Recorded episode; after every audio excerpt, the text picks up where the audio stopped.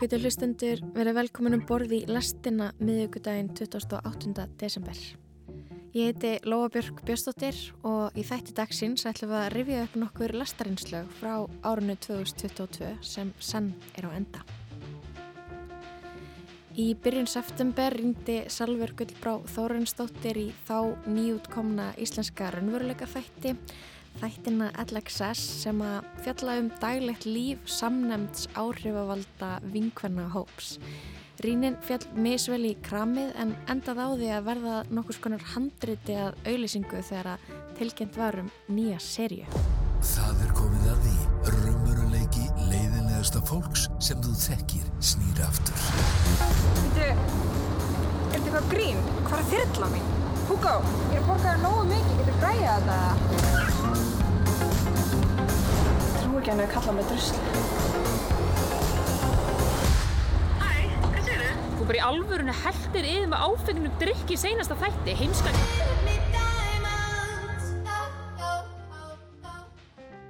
Í apríl bárust fréttir af stólinni Bronnstittu, stittuna af Guðriði Þorbjarnadóttur og sinna hennar Snorra sem ber heitið Fyrsta hvita móðurinn í Ameríku. Kristján Guðjónsson heiti listakonunar Bryndisi Björnsdóttur og Steinunni Gunnlaugsdóttur og rætti við þær um verkið þeirra Fyrsta hvita móðurinn í geimnum. Einn tólkun væri að hugsa sér að sko er verið að senda með þessu úrelta hugmyndafræði út í geim og vona hún verði að hverju öðru geimbrusli sem að skoppar í kringum jarðkringluna eða uh, er með þessu verki verið að afhjúpa að þrátt fyrir allar þær mikilvægu baróttur sem að hafa átt sér stað senstu áratugina þar sem að fólk með annan litarhátt en hvítan hefur verið að, þú veist, berjast fyrir sínum réttindum og tilveru rétti að þrátt fyrir allt það þá sé ennþá stefnan að hinn hvíti kynstofn haldi áfram sinni nýlendavæðingu og núna út fyrir land, uh, jarðsteinana. Í oktober flutti Davíð Róts pistilherna í lestinni um plötuna Fossora, nýjustu plötu Björkar Guðmustóttir og kvekti í leiðinni upp umræður um tónlistagaggrinni og hvort þetta flokkaðist yfir höfu sem gaggrinni. Og við ætlum að byrja þar í dag. Davíð Róts er fyrstur á mælendarskrá.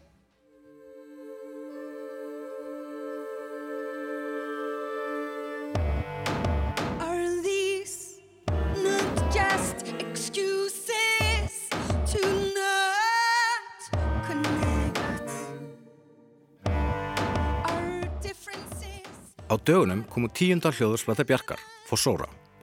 Björk er langsamlega stærsti, merkilegasti og virtasti tónlistamæður Íslandsögunar og áhrif hennar verða þó sannlega ekki ofmetin. Það væri engin FK Twix, Mammut, Samaris eða Fever-Ray ef ekki væri fyrir Björk. En það verður samt að segjast eins og er að nýjasta platan hennar, Fossóra, er reynd útsagt drep leiðinleg eins og reyndar að mínumatti flest úr hennar ranni undanfærin hálfan annan ára tög og ég segi þetta af ást því ég elska Björk.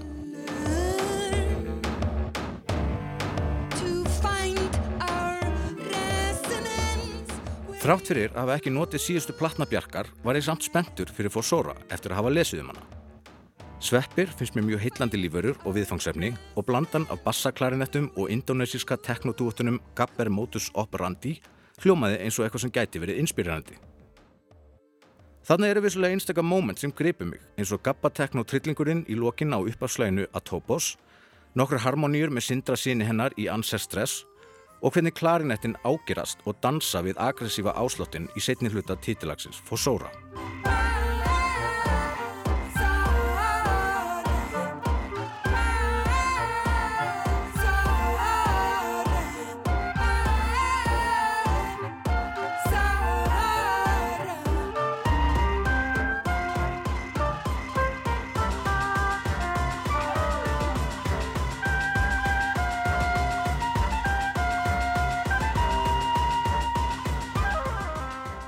En augnablikin eru fá og allt of langt á millið þeirra og heilt yfir fannst mér þetta stefnulöst og ómarkvist ferlíki sem ég þurfti hálfvegis að þræla mér í gegnum í nokkrum atrennum við hverja hlustun.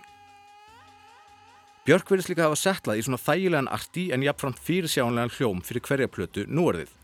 Stúlknarsveit á skrítið klassísk hljóðfari, og samstarfi unga og edgi raftónlistamenn eins og Arka eða Gabber Motors Operandi og Side Project. Bassaklarinettin á Fossóra finnst mér hljóma meira eins og gimmick en farsæll heildarhljómur og gefin eða eitthvað tilgerðalegt Pétur og Úlfurinn væp sem er æðið þreytandi til lengdar.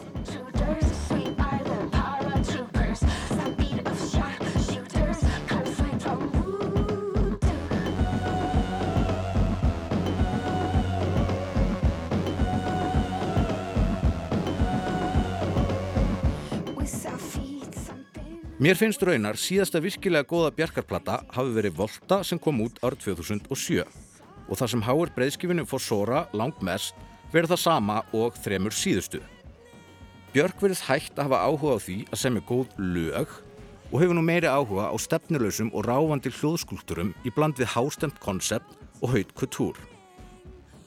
Því sama hvað smekklust fólk sagði og hversu tilröningendur hljóðþeiminum var í upphæðu félagsennar þá var það allt saman borið uppi af feiki sterkum lagasmíðum, grípandi söngmelodíum og kraftmiklum en öguðum struktúr sem gerði það að verkum að miljónir tengdu við afröðunar.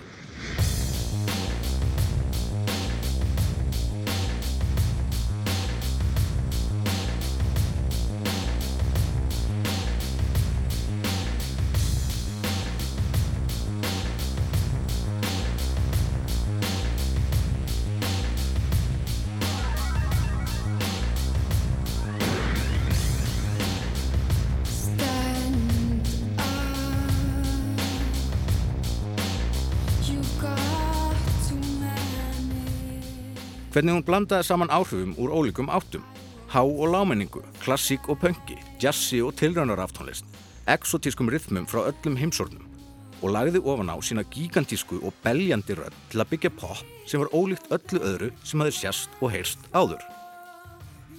Þegar Björk var að hefja sólófélagsinn skildu forbókaðar Íslandingar ekki snildina og oft heyrði maður frá miðaldra frændfólki í fermingavislum eitthvað eins og Jújú, jú, það kýtla nú þjóðastoltið hvað hann er að gera það gott í útlöndum, en mér finnst þetta bara að vera eitthvað bölva tjútjúgúgígúgar kjá henni.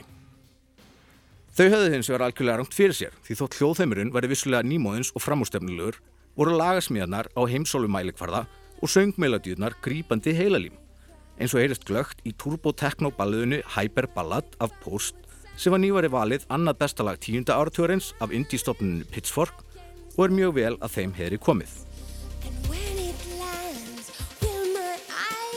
Be closed or open. I go through all this before.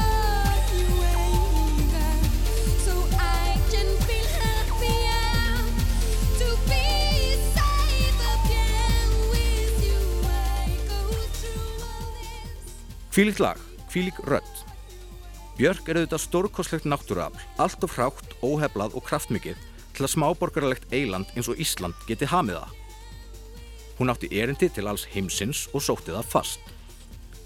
Byrjaði sem barnasefna, tók unglinga uppreysn í pönginu, var partur af anorku pöngkreifingu Krass með kuklinu á ofanverðum táningsárum og sigraði indíheimin með tilröna popsveitinu Sigumólnum rétturumlega tvítug.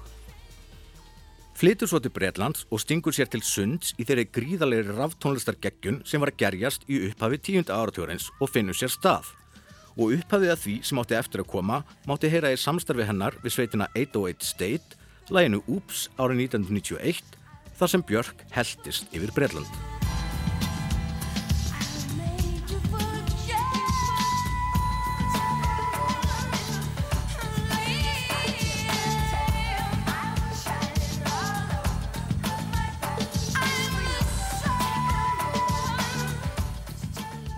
Ég ætla mér ekki að endur segja upp að fyrirlisbjarkar hér. Það er efni í margar klukkutíma podcast, þykkar bækur og heimildamindir. En látum okkur næja þetta. Hún laði heiminn að fótum sér með humanisma debut. Leta hann krjúpa niður í duftið með hér af sjálfur sér og hýperballuðum post. Leitaði inn á við á Homogenic og Vespertín og opnaði gáttir í aðrar vittir á Medullu og Voltu. Rödd Bjarkar gætt breyst á augabræði úr nánd yfir í valdbetningu. Hún kvíslaði þér leindamáli í einni hendingu og ógnaði þér eins og öskrandi ljóninja í þeirri næstu.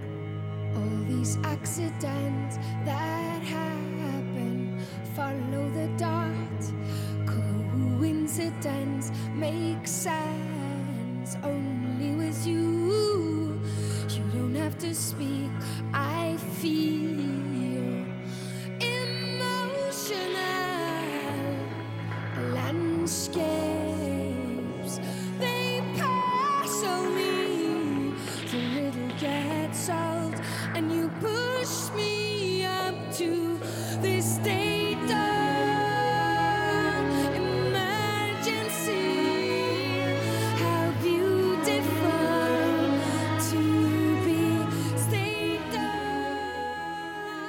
Einn helsti styrkur Bjarkar, tónlistilega, hefur alltaf verið einhvers konar curator eða síningarstjóra hæfileiki og ég hef oft líkt henni við David Bowie og Kanye West að því leiti. Hún hefur ótrúlegt nefn fyrir því að þefa uppi ungt og ferst hæfileika fólk til samstagsvið sig og ná því besta út úr því í þáu sínar eigin listanu sínar. Og ég meina þetta á allra besta mögulega hátt. Gestalistin á plötum hennar er enda algjör elita eðalmálma. Nelly Hooper, Matmos, Matthew Herbert, Russell, Brodsky kvartetin, Sjón, Arka, Mark Bell og Timbaland eru drópar í úthaf af hennar ótrúlega hæfileikaríka samstagsfólki og þá eru óupptaldir endalusir they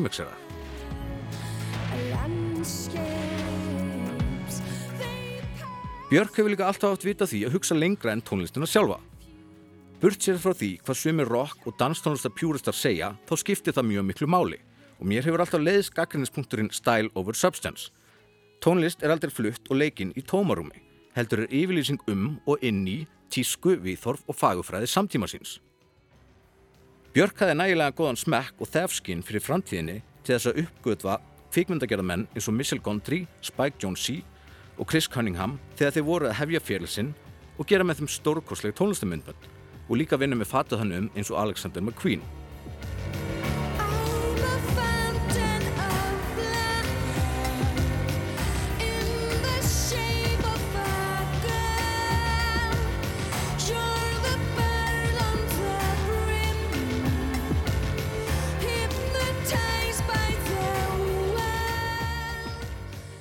Að því sögðu finnst mér undanfarið sem umgerðin hjá Björk hafi borið innihaldið ofurliði og tónlistin orðin eins og bakþangi og alls ekki standa undir þessum þykka thematíska glamúr sem umlíkur hana. Þetta gerðist á einhverjum tímpunkti og ég held að hafi verið með plötunu Biofíliu sem kom út árið 2011. Það var plata sem var gefin út með mikillir flugöldasýningu um nýmóðins náttúrufræðikennslu og spjaltölvum á vegum Bjarkar og Davids Attenborough, þar sem grunnskólabörn áttu að fá alheiminn beint í æð. Ég fór ótrúlega flott á tónleika í Silfurbergi með endalusum eðlisfræðitilrunum. En ég gæti hins vegar ekki fyrir mitt litla líf undir byssukjafti rifjað upp eitt einasta lag af henni.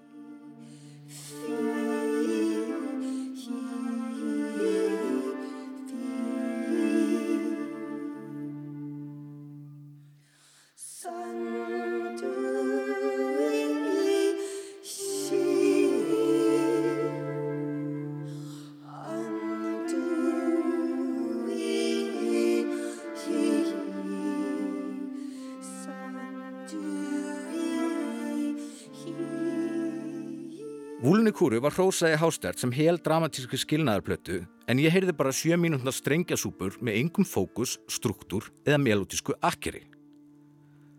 Utopia var svo alveg ævintýrlega leiðinleg plata. Ég meina come on, flautukór og fugglarhljóð. Þarna fannst mér sem Björk var orðin skrýpamynd eða karikatúr af sjálfur sér. Í setni tíð finnst mér Björk hafa breyst í það sem frændfólk mitt sagði um hana þegar hún var upp á sitt besta. Lagasmíðarnar og flottu viðlaugin eru fókin út í veður og vind og sönglínurnar eru eins og slompaður drikkjurútur ráfandi stefnulegst í áttina að engu.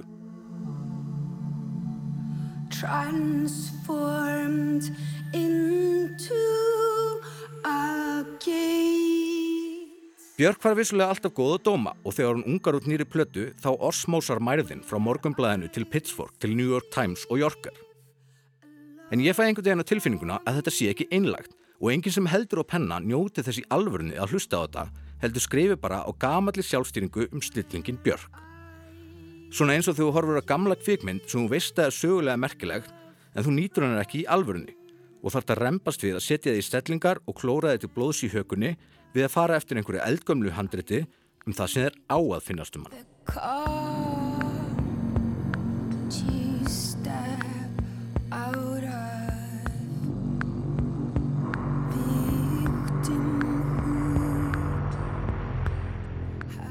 Ég þekki og kannast við mjög marga tónlistakrúskara en ég man varlega eftir hvernig einhver saði síðast við mig Ú, ertu búin að hlusta nýju bjarkarplutuna? eða setti bjarkarlega á fónin til að spila fyrir mig. Áður fyrr fannst mér líka eins og Björk verið sparari á það að koma fram í fjölmjölum en við útgáfa fór Sora og Utopíu hefur allt verið veggfóðrað í viðtölum og nú hefur verið gert margar klukkutíma hlaðvarp um allra plötur Bjarkar og ég fæði á tilfinninguna að það tengist minkandi plötusölu og lítill Spotify-laustun því að það finnist nánast engum þetta skemmtilegt í raun og veru.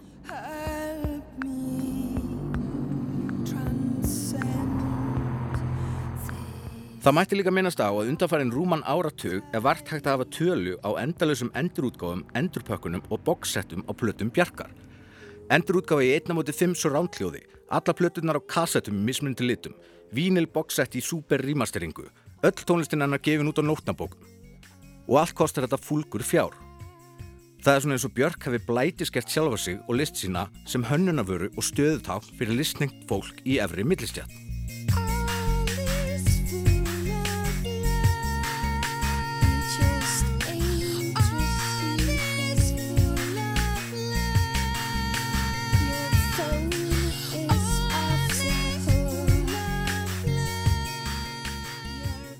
Kanski er ég bara svona illa gefin að sjá ekki snildina. Og Björk má auðvitað sogast dýbra og dýbra ofan í spíral af óáheyrilegri tilraunumennsku ef hún er hún algjörlega frákverð poptónlist. Hún hefur svo sem gefið okkur alveg nógu mikið. Og ég mun ennþá býða spenntur í hver skipti sem Björk gefur út plötu. Því þrátt fyrir allt sem ég hef sagt hérna um tónlist hennar upp á síðkastið, þá er öll þessi gaggrinni uppfull af ást. Því ég veit hvað Björk er færum og er fullviss um hún er eftir að sína það aftur.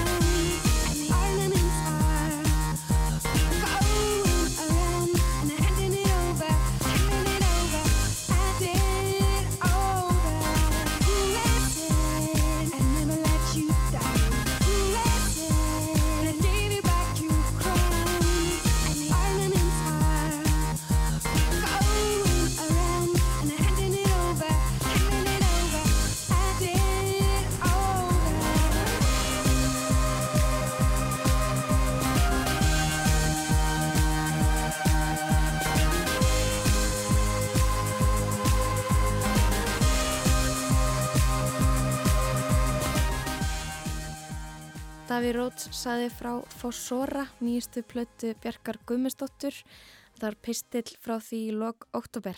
Við erum að líta yfir farin veg hérna í lastinni í dag og rifja upp innslög sem að öll eiga það sammeilagt að hafa kveikt upp umræður, jafnvel menningarátök. Og við ætlum því næst að rifja upp með umdildari gjörningum þessa ás, stólnu styttuna af Guðri Þorbjarnadóttur. Nú á fymtudag bárust fréttir að því að brons styttu eftir einn helsta myndhöggvara þjóðarinnar, Ásmund Sveinsson, hafi verið stólið af stöppli á laugarbrekku á sunnanverðu Snæfellsnesi. Einhver eða einhverjir virðist hafa mætt á laugarbrekku með slípirokk og hreinlega skorið bronsstyttuna af steinstöpplinum sem hún stóð á. Stittan sem nefnist fyrsta hvíta móðurinn í Ameríku er af Guðriði Þorbjarnadóttur sem var í hópi norræns fólks sem fór til Vínlands, Ameríku í kringum árið 1000 og átti hún þar sonin Snorra á samt einmanni sínum Þorfinni Karlsefni. Guðriður kemur fyrir í Eiríkssögu rauða og grænlendingasögu og er fyrsta konan af evróskum uppruna sem vitað er til að hafi fætt barn í Ameríku. Talað er um Guðriði sem einhverja viðförlustu konu síns tíma, fætt á Íslandi, giftist á Grænlandi, ól son í Norður Ameríku, ferðaðist til Noregs og gekk til Rómar til að fá aflaust synda sinna, endaði svo æfi sína sem heit trúðu nunna og einsöldu kona á Íslandi. Fréttastofu Vísis barst ábendingum hvarf stittunar frá leðsögumanni sem átti leiðum svæðið á fymtudag og rætti í kjölfarið við bæjarstjóra Snæfellsbæjar Kristinn Jónasson en hann var einnig í Guðríðar og Laugarbrekkuhópnum sem stóðað uppsetningu stittunar árið 2000. Kristinn sagði líklegt að stutt væri síðan stittunni hafi verið stólið. Hann sagði, sárið er reynd, það myndi riðga strax. Það veriðist sem að menn hafi þarna notast við slípirokk. En hvar var stittan og af hverju var henni stólið?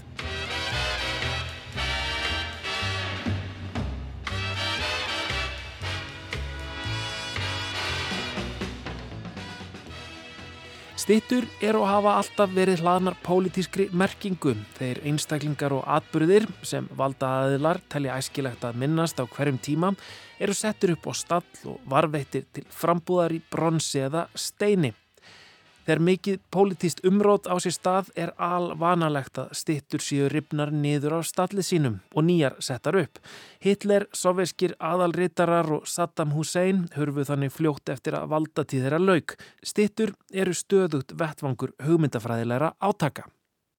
Í Evrópu nútímans hafa þetta fyrst og fremst verið hvítir karlar sem hafa verið settir á stall og þeim hampað, þjóðhauðingjar stríðshetjur frumkvölar, businesskallar, listamenn. Og þó að mótífin og fyrirmyndirnar hafa orðið fjölbreyttari á síðustu áratugum standa margar af hinnum eldri stittum en jável þó að þær hugmyndir sem fólk tengir við þær séu oft smám saman að detta úr tísku.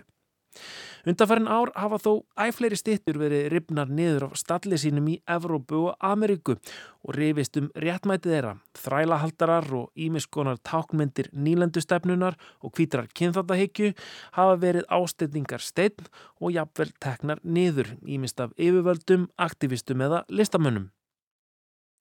Hér á Íslandi hafa árásir á stittur verið tiltulega fáar og fæstar pólitískar. Frægast er þegar litla hafmegan eftir Nínu Sæmundsson sem satt á steini í tjörninni í Reykjavík var sprengt árið 1960, mögulega vegna fagufræðilegs ágreinings móternista við ný klassískan stíl Nínu.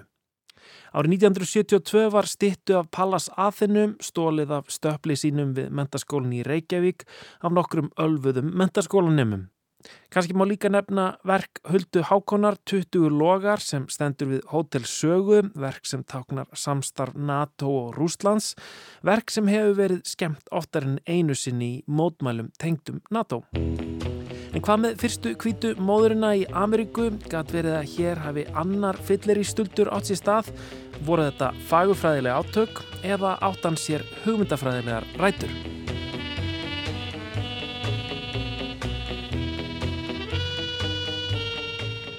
Það sem Ísland var dönsk hjálenda, frekar en að Íslendingar væru nýlendu herrar, hefur af nýlendu væðing stitta haft lítil áhrif hér á landi. Hér er ekki stittur af hefbundnum þrælahöldurum eða þjóðarmorðingum, svo vita sé að minnstakosti. En titill stittunar af Guðriði, fyrsta kvíta móðurinn í Ameríku, ringir strax einhverjum viðvörun á bjöllum. Við erum orðin svo meðutuð um það hvernig Evrópubúar tala um Ameríku að þeir hafi uppgötað álfuna þó að þar hafi búið fyrir fjöldi ólíkra þjóða. Hvernig Evrópubúar átti eftir að murka lífið úr frumbyggjum Ameríku og notast við kvíta yfirburða hyggju til að réttlæta þjóðarmorðin.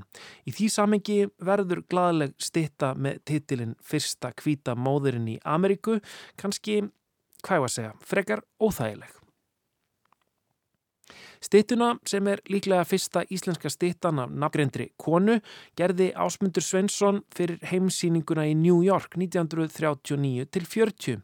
Hún sýnir Guðriði standa í stafni skips og aukslennar stendur sonur hennar snorri og veifar kumpánlega. Á sínum tíma verði stittan hafa vakið mikla lukku bæði meðal erlendra og íslenskra álitskjafa. Ekki er vitað um afdrif 30 metrar hárar stittunar sem send var vestur til New York En frummyndin varð eftir hér á landi og eftir henni hafa svo verið gerðar nokkrar afsteipur í setni tíð. Ein var sett upp í Skagafyrði á tíund áratögnum. Óláður Ragnar Grímsson, þáverandi fórseti gaf Páfa eina slíka fyrir enga bókasafn hans og árið 2000 var sett upp afsteipa við fæðingasta Guðriðar, lögarbrekku á Snæfellsnesi til að heiðra minningaðnar. En nú var þessi stitta, lögarbrekku stittan, tínd og tröllum gefin.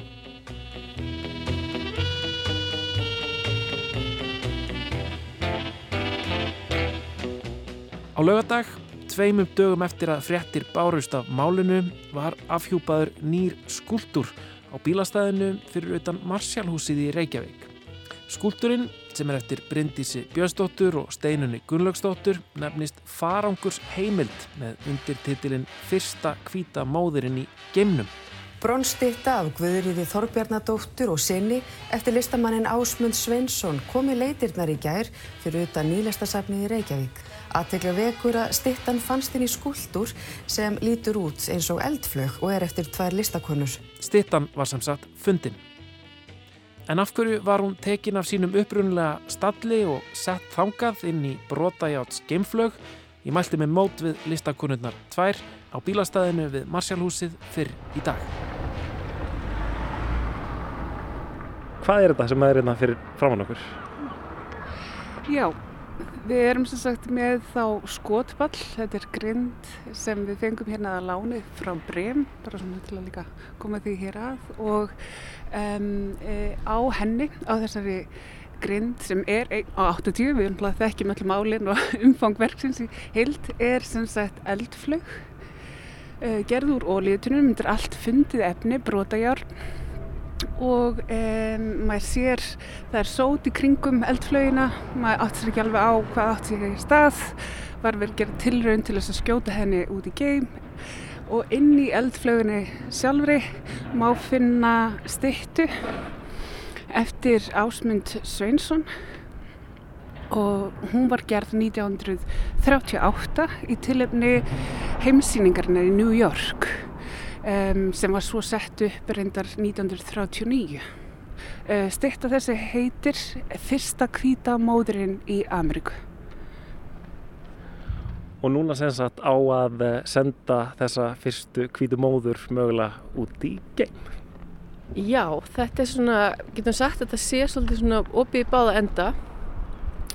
Einn tólkun væri að hugsa sér að sko er verið að senda með þessu úrelta hugmyndafræði út í geim og vona að hún verði að hverju öðru geimrusli sem að skoppar í kringum jarðkringluna.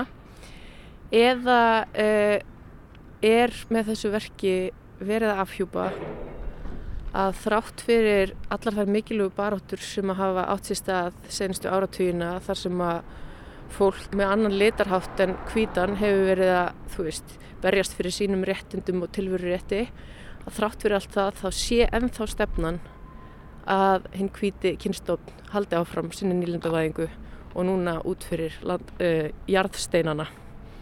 Þetta er já, afsteipa eins og þið segir af stittu sem var upprunulega gerðarna fyrir heimsýninguna 1940 en þessi hefur verið frá árinu 2000 á, á Snæfellsnesi hvarf þaðan í vikunni hérna af hverju langaði ykkur að vinna með nákvæmlega þessa stittu?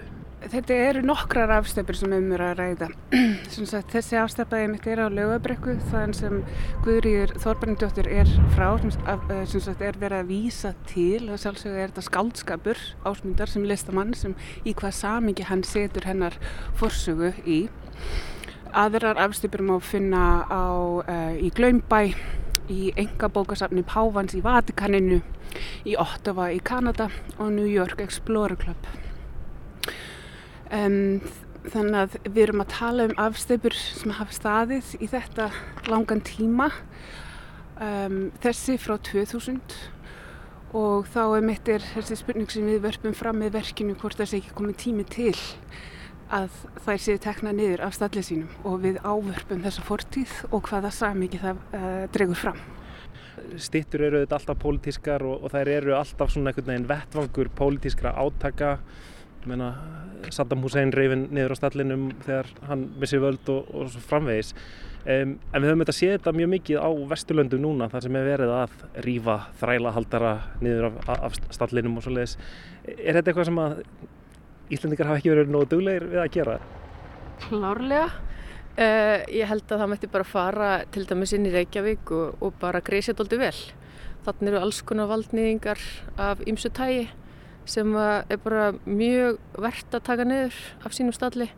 Um, þetta er svolítið öðruvísi með þessa styttu út af því að þú veist Guðriðu sjálf um, við erum ekkert að atast í hennar personu, þú veist hún fer þarna með fólki sagt frá Íslandi í kringum árið þúsund fer til Grænlands og svo fer hún til sem sagt það sem nú heitir Amerika og hérna og þau búa þarna í 1-2 ár og síðan þú veist faraði aftur til Íslands. Eignast þarna barn í Ameríku og það er það sem stittan vísar í þú veist að þetta hafi nú verið fyrsta hvíta barni og það hafi verið íslenskt höfum það á hreinu veist, þetta er það sem við erum að díla við í þessari stittu veist, ekki hennar saga sjálf heldur hvernig ásmundur vinnur með hana og hvernig hún er síðan notuð af til dæmis Ólafur Ragnar Grímsinni fyrirhandi fórseta sem svona skiptimynd, einhverja svona uh, hvað kallaður þetta? Höfðingjagjöf. Höfðingjagjöf. Þú veist, Ólafur Ragnar fer hann á 2011 í fríðu föruneytið með brím sem styrtarhjarl til Páfagarðs og gefur sem sagt Páfanum þessa styttu sem hann er núna með í engabókasafninu sínu. Þú veist, hvað er þetta? Þann fer líka til Kanada og gefur sem sagt Íslendingafélaginu þar þessa styttu til að reyna að byggja undir hérna setna meir útrásina og reyna að fá sem sagt kveikja undir þjóðverðniskend vesturíslendinga sem hefur alltaf verið afskiptur og fyrirleitnir af svona íslenskum valdastjættinni reyna að byggja svona bönd þar á milli þú veist. Þið þarna, þið, þið tengist þessu og þið hefur verið stoltir og eitthvað svona til þess að fá það til þess að vera með í businessinu. Og líka, þetta finnst okkur eitthvað svona bara þú veist, þessuna, þessuna þú veist, er þessi stitta hérna núna Og til að bæta við, þetta er líka heldur ekki einföld saga hennar uh, Guðrýðar. Við nefnum núna að hún hefur komið við Grænlandi, það er líka að tala um Íslandingar hefur þá verið fyrstir til að nýlenda veiða Grænland. Þannig að við erum ekki líka einfallega veist, að leggja hana á einhvers konar einfaldar stall að þetta hefði verið saklausar ferðir eða ferðir sem hafi ekki orðið til vegna þess að hún hafði möguleikunum á að ferðast með þessum hætti en auðvitað þarna er mitt samt til að undirstryka að þarna er verið að skálda og setja hennar ferðir í þetta bara mjög tiltekna og bara einfalda samingi til að þjóna mjög ákveðnum hagsmunaatriðum sem við erum ekki að taka undir með einum hætti við okkar verki hér. En, en, en væri ekki hægt að líta á þetta þeirra ólíkan hátt og segja að þetta er bara feminist verk, þetta er fyrsta nafngreinda konan sem er á íslenskri stittu Um, eigum við eitthvað að vera að hérna, eigum við ekki frekar að vera að hampa þessari stittu nákvæmlega núna? Sko, fyrir mína parta er þetta bara mjög feminist verð upp á það að þarna er verið að taka sagt, getu hvern manns til að, að bera barn og skilgreina þann burð sem uh, stefnu upp á að, að, að þar með sé hún að geta barn innan hvítar kynstops. Þannig að fyrir, ok, fyrir mína parta er þetta feminist verðt upp að við erum að endur skilgræna það, endur eign okkur. Þann líkama þá uh, þann möguleika sem hvern maður og hennar reyfingar sem slíkur. Já, ég, bara, og líka þessi sko frásögn ásmundar að það sé einhvern veginn það sem er að hampa henni fyrir frekar en eitthvað annað finnst mér frekar svona suppulegur uh, suppuleg útgáfa þó væga sagt síðan tekið það er bara suppuleg útgáfa hennar sögu og mjög kallæg. Mm. Konur eru til þess að geta börn og fjölga kynstofninum. Um, ok, hérna, nú geta kannski einhverju tekið undir þessa hérna gaggrinni, virt hana, kannski verið sammála, veit það ekki, um, en réttlætir það að taka stittuna af, af þeim stalli sem henni var gefin um, þarna á Snæfellsnesi? Já, algjörlega. Bara þessi stitta á ekki heima þarna og það er bara mjög mikilvægt fyrir fólk á Íslandi að vera ekki í þessum, hérna, þessari undantekningu og hérna, takast á við rasisma, uh, endurskoðasöguna, veltinu upp og veist, við draugum þessa styttu sem hefur verið svona kannski utan sjóldeildarhings, hún er lengst þarna í burtu og líka þessi sem, er, þú veist, það eru fleiri og það er einhvern veginn ekki alveg í almanna sjónlínu. Núna er hún hérna og núna er hægt að takast á um hana. Og þetta er mitt varðar líka hugtak sem kemur að þessari nýlandasögu. Það er verið að tala um sem dæmi í Danmörku, þegar verið að endur skoðu þá sögu, þá er að tala um blind spot eða einhvers konar blindu gagvart sögunni. Og þarna er mitt með því að bera henni eins og þeirnum var að segja fram fyrir auglitið allra, hún er ekki lengur úr, uh, úr okkar auksviði, þá er ekki að það afneita því að þarna er einhver saga eða rammi sem er ekki búið að vera ávarpa eða takast á við með neinum hætti þessi ár.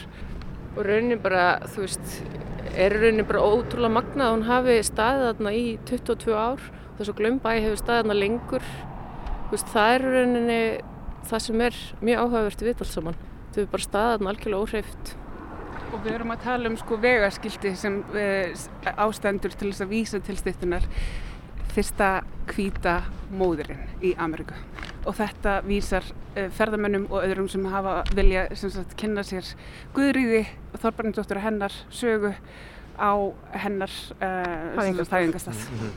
Hérna, sko nú er titillin, já, fyrsta hvíta móðurinn í Ameríku og ég held að þetta sé einmitt titill þegar, þegar margir heyran þá hugsa fólk, hm, þetta er nú ekki, ekki mjög pólitíst rétt. Um, en sko ef titillin væri annar á þessu verki, myndi það breyta einhverju? Ef, ef, ef, hérna, ef verki hétti hreinlega bara eitthvað fræðarför guðriðar eða eitthvað? Mér finnst að einhverju leitið mætti núna koma upp bara spurninga eftir að vera einhvers konar samkeppni um að, að, gera annars konar myndi eða skúltúra af henni og einnig finnst þetta er ekki bara tilviljun veist, að þessi titil kemur til. Við lásum okkur til um það um að ásmundur, hann er ekki bóðin á þessu síningu, þessu heimsíningu sem, sagt 1900, uh, sem hefst 1939. Hún hefst 1939 og er sagt fram til 1940. Hann leggur sjálfur til að bera þetta verk fram á síninguna. Hann er ekki hafður inn í íslenska skálanum, hann er hafður inn í sagt, aðal skálanum, aðal síningaskálanum og verkið sjálft upprænulega frum, frum myndin. Það er ekki vita hvað hún niðurkomin annað en að um, þekktu rasisti Robert Moses, eða ég held að ég sé fara uh, rétt með, er talan hafa verið með verkið í verslu eftir að síningin var tekið niður. Hmm. Ég meina, það sem er áhugavert við þetta, þetta er þarna, þú veist, 39, ég meina það boiling, þú veist, það sem er í gangi í Þýskalanda á þessu tíma stríði brýst út nokkru mánuðum setna, þú veist, það, það mér finnst reynum bara í þessu verki afhjúpast, rasismi og nazismi er ekki bundin á þessum tíma bara við Þýskaland.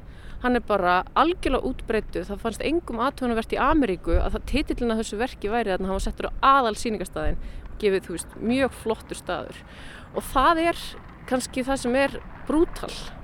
Og við sjáum það líka bara núna, það, fólk, veist, það er fólki sem finnst þetta ekki vera sniðut að taka svona stittur niður. Þú veist, sé, það, það segir svo margt. Þetta er ennþá lifandi, þú veist, fyrirbæri, rasismi. Um, hvernig, sko, hafið þið fengið einhver viðbröðið búið að kalla eftir því að fá stittun aftur og allir að skila henni? Við hefum bara verið svona takat aldrei einn dag í einu.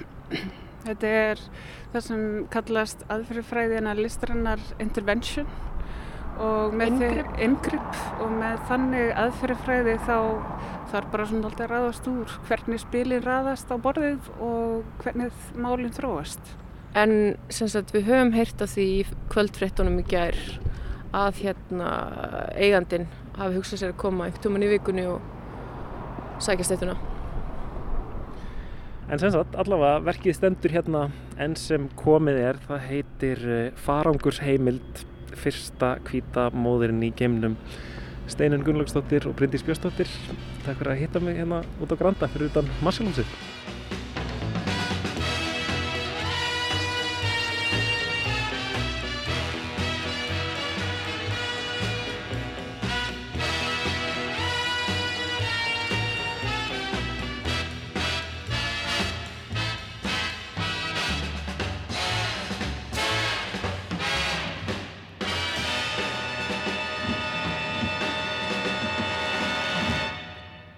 Kristján Guðjónsson rætti þarna við myndlistakonunnar Bryndisi Björnsdóttur og Steinunni Gunnlaugsdóttur. Þetta var viðtal frá því í apríl á þessu ári. Við ætlum að fara úr umdeildum listgjörningi yfir í sjómarpið en við höldum áfram að vera umdeild hérna í þessum upprýfuna þætti af lestinni. Salfur Gullbrá Þórunsdóttir horfi á raunveruleika þættina LXS sem voru frumsyndir í haust á stöð 2.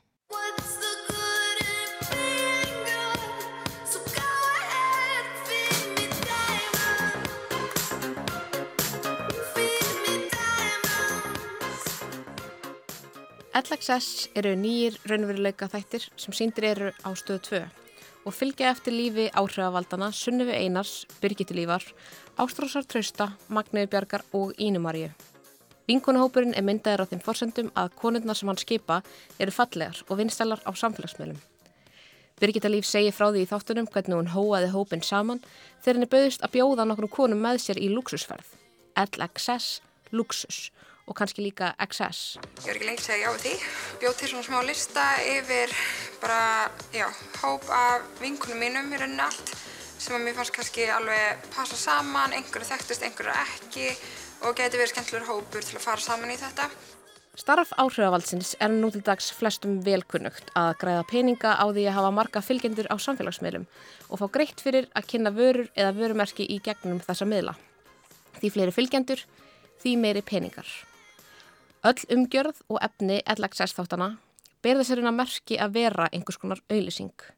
Framleiðendur þáttana eru Ketchup Creative, fyrsta auðlýsingarstofa á Íslandi, segir að heimasíðu þeirra, sem sérhefi sig í því að búa reynd ekki til auðlýsingar heldur svo kallaða branded entertainment, kostaða afþreyingu. Markmiðið, segir enn fremur á heimasíðunni, er að áhörfandin horfi á auðlýsinguna að því hann vill það, ekki að því hann neyðist til þess. Þessi kostaða afþreying gerra verkum að áhörfundur horfa efnið með sama hugafari og þeir myndu horfa á bíómynd eða sjónvarstætti. Tilvist Ketchup Creative er því viðbrað við ókvænleiri þróun fyrir auglýsendur. Fólk nennir ekki lengur að horfa á auglýsingar. Það spólar yfir þær, það skiptir um stöð, það slekkur á aðtiklinni. Sé auglýsingin hins vegar í formi TikToks, þar sem vinsalasti TikTokari landsins, Lil Curly, dansar með kókdós í forgrunni rammans, þá verður til lausn á þessu vandamáli auglýsinda. Það er að segja, áhorfendur horfa á auglýsinguna, grunlausir, óvarðir því þeir áttar sig ekki á að um kók auglýsingu sé að ræða. Nýr dagur, nýtt tækifæri til að selja þér eitthvað. Ég er markstjóri vörklass og svo er ég bara svona svolítið allt í öllu með mömmu og pappa í bara daglega reksturinnum og plönunum og öllu slíku. Svo erum við náttúrulega spa líka, snirtiförlínu sem ég og mamma er svolítið svona að dúla okkur í Worldfit sem að er svona crossfitið okkar hjá vörklass sem að ég tók svolítið að mér sem svona mitt baby og hann og er að reyka skemmtstæðan bankastræti. Líðurinn vill ekki auðlýsingar en hann er til í content. TikTok myndskeið er content, Instagram póstur er content og já, raunveruleika þættinir LXS ber þess merki að vera hugsaðir sem content. Í þáttunum fylgjast við með stelpunum gera venjulega hluti sem ríkar íslenskar stelpur gera, held ég. Þær fara út að borða, þær færi riverrafting á fjórhjól, í skíðaferð og elda vodkapasta eftir uppskrift frá Gigi Hadid. Herri já, við stelpunar erum að fara í skíðaferð um helgina, mm -hmm. árlega skíðaferðin okkar og erum í kvöld elda pasta as we do best og bara plana outfits og hvað ætlum við að gera og eitthvað. Já, fara yfir þetta allt saman. Mm -hmm. En við ætlum að byrja að elda. Við ætlum að gera vodkapasta. Gigi. Gigi Hadid. Birgitta Líf nýtir hvert tækifæri til að kynna fyrir okkur skemmtistæðin sem hún rekur og fjölskyldufyrirtækið World Class á meðan Sunnive Einar sínur okkur nýju skarkribalínuna sína. Á einum tímumpunkti breytast þessar sífældu kynningar sem mynda þáttin í einhvers konar meta-auðlýsinga martröð í atriði þegar LXS stelpunar ræða saman um tónlistamannin Hugo. Hugo þessi er, fyrir þá sem ekki vita, eins konar tilbúin popstjarna, líka úr smiðju Ketchup Creative, Hann er búinn til á stofu, svolítið eins og stuðboltastelpunar, Sugar, Spice and Everything Nice. Samkant frettum vísis sem er einmitt í eigu sínar sem reykur stöðu 2 og vísir viðrist vera eini frettamiðlinn sem nennir að fjalla um tónlistamannin, er hann eitt vinsalasti tónlistamæður landsins. Tilvitun hefst með samning við Sony og með meira en miljón spilanir, tilvitun líkur. Birgitta Líf í LXS er umbóðskona Hugos og í samtali hvernanna kemur fram að Hugo hafi verið valin nýliði ársins á hlustendavellunum FM 957, útvarstöðvar sem einnig er hluti af sín. Samtalið er eins og kostuðu kynning fyrir tónlistamannin, fyrir Ketchup Creative. Ketchup Creative kynir eigin verkefni í eigin þætti. Ég vil ekki hljóma eins og einhver brjáluð samsæriskenningakona en þetta tengist allt saman krakkar. Ég þekki engan sem hlustar á Hugo, hann er tilbúningur. Hann er ekki tónlistamæður, hann er branded entertainment. Sko, þetta er hlustendavelun. Á, er það núna? Já, uh, Hugo er að fara að vinna nýlið ársins. Nei, ok, Já. alveg. Geðveikt. Já. Til hamingju. Til hamingju, manager. Thank you. Ok, skál Og ég veit, ég er farin að hljóma eins og listaáskólanemi sem var að átta sig á því hvað kapitalism er, en ekki miskila mig. Vombriði mín með þættina koma ekki af einhverjum háum stalli barnslerar ímyndarum heilaleika listarinnar eða eitthvað svoleiðis. Ég elska raunveruleika þætti, því lákurulegri sem þeir eru, því betra. Ég elska að fylgjast með karlmönnum svíkja konur sem eru betra en þeir í Love Island.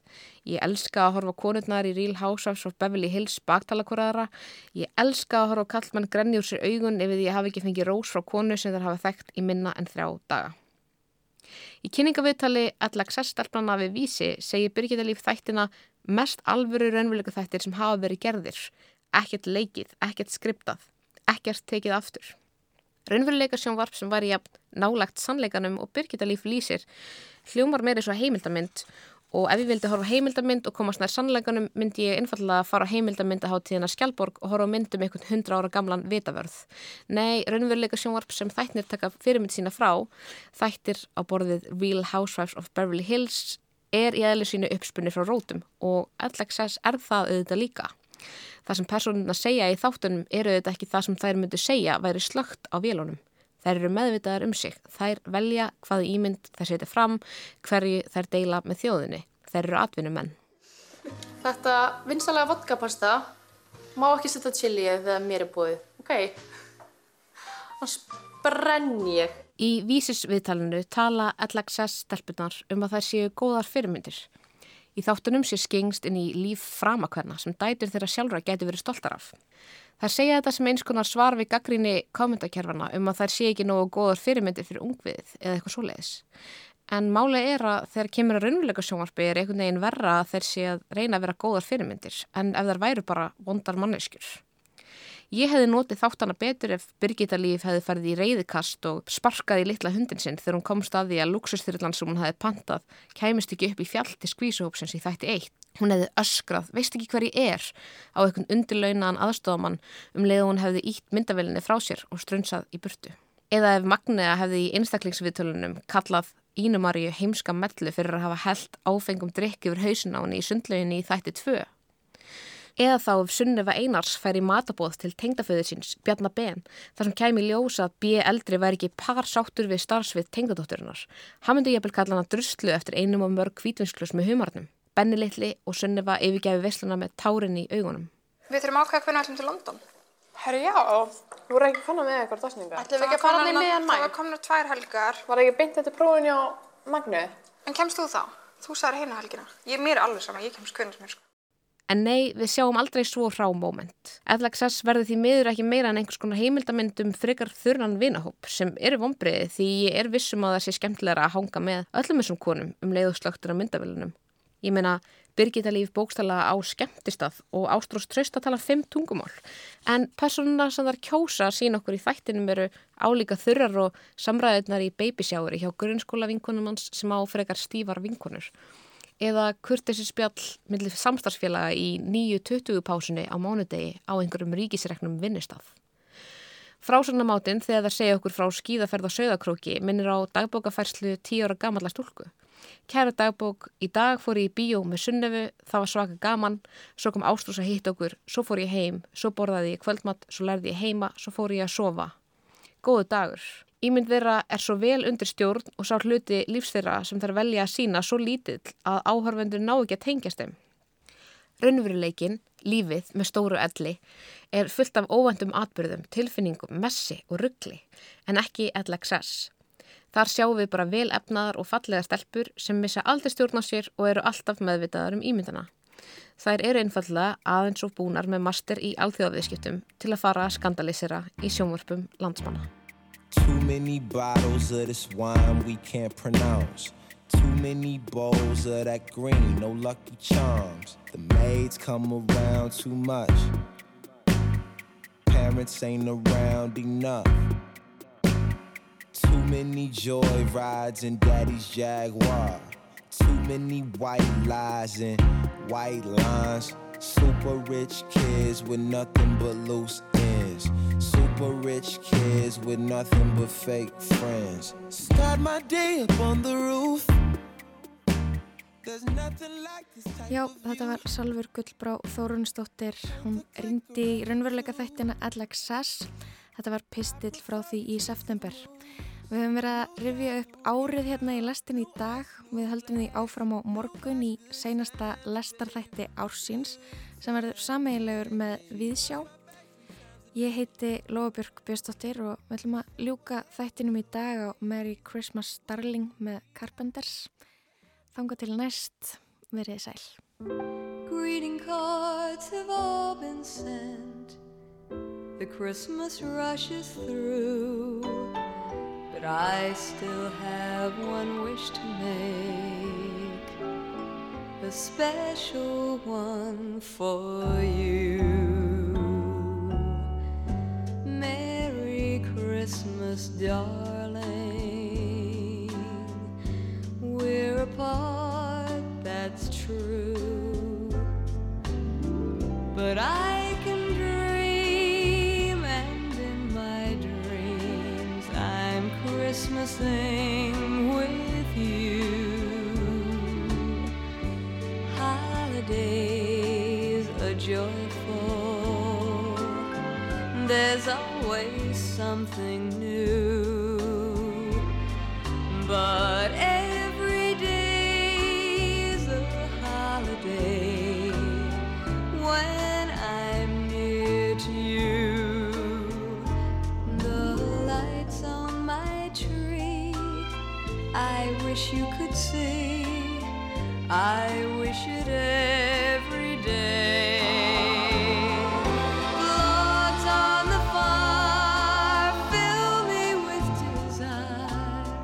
to see you and to say that I wish you Merry Christmas. Christmas. Happy New Year.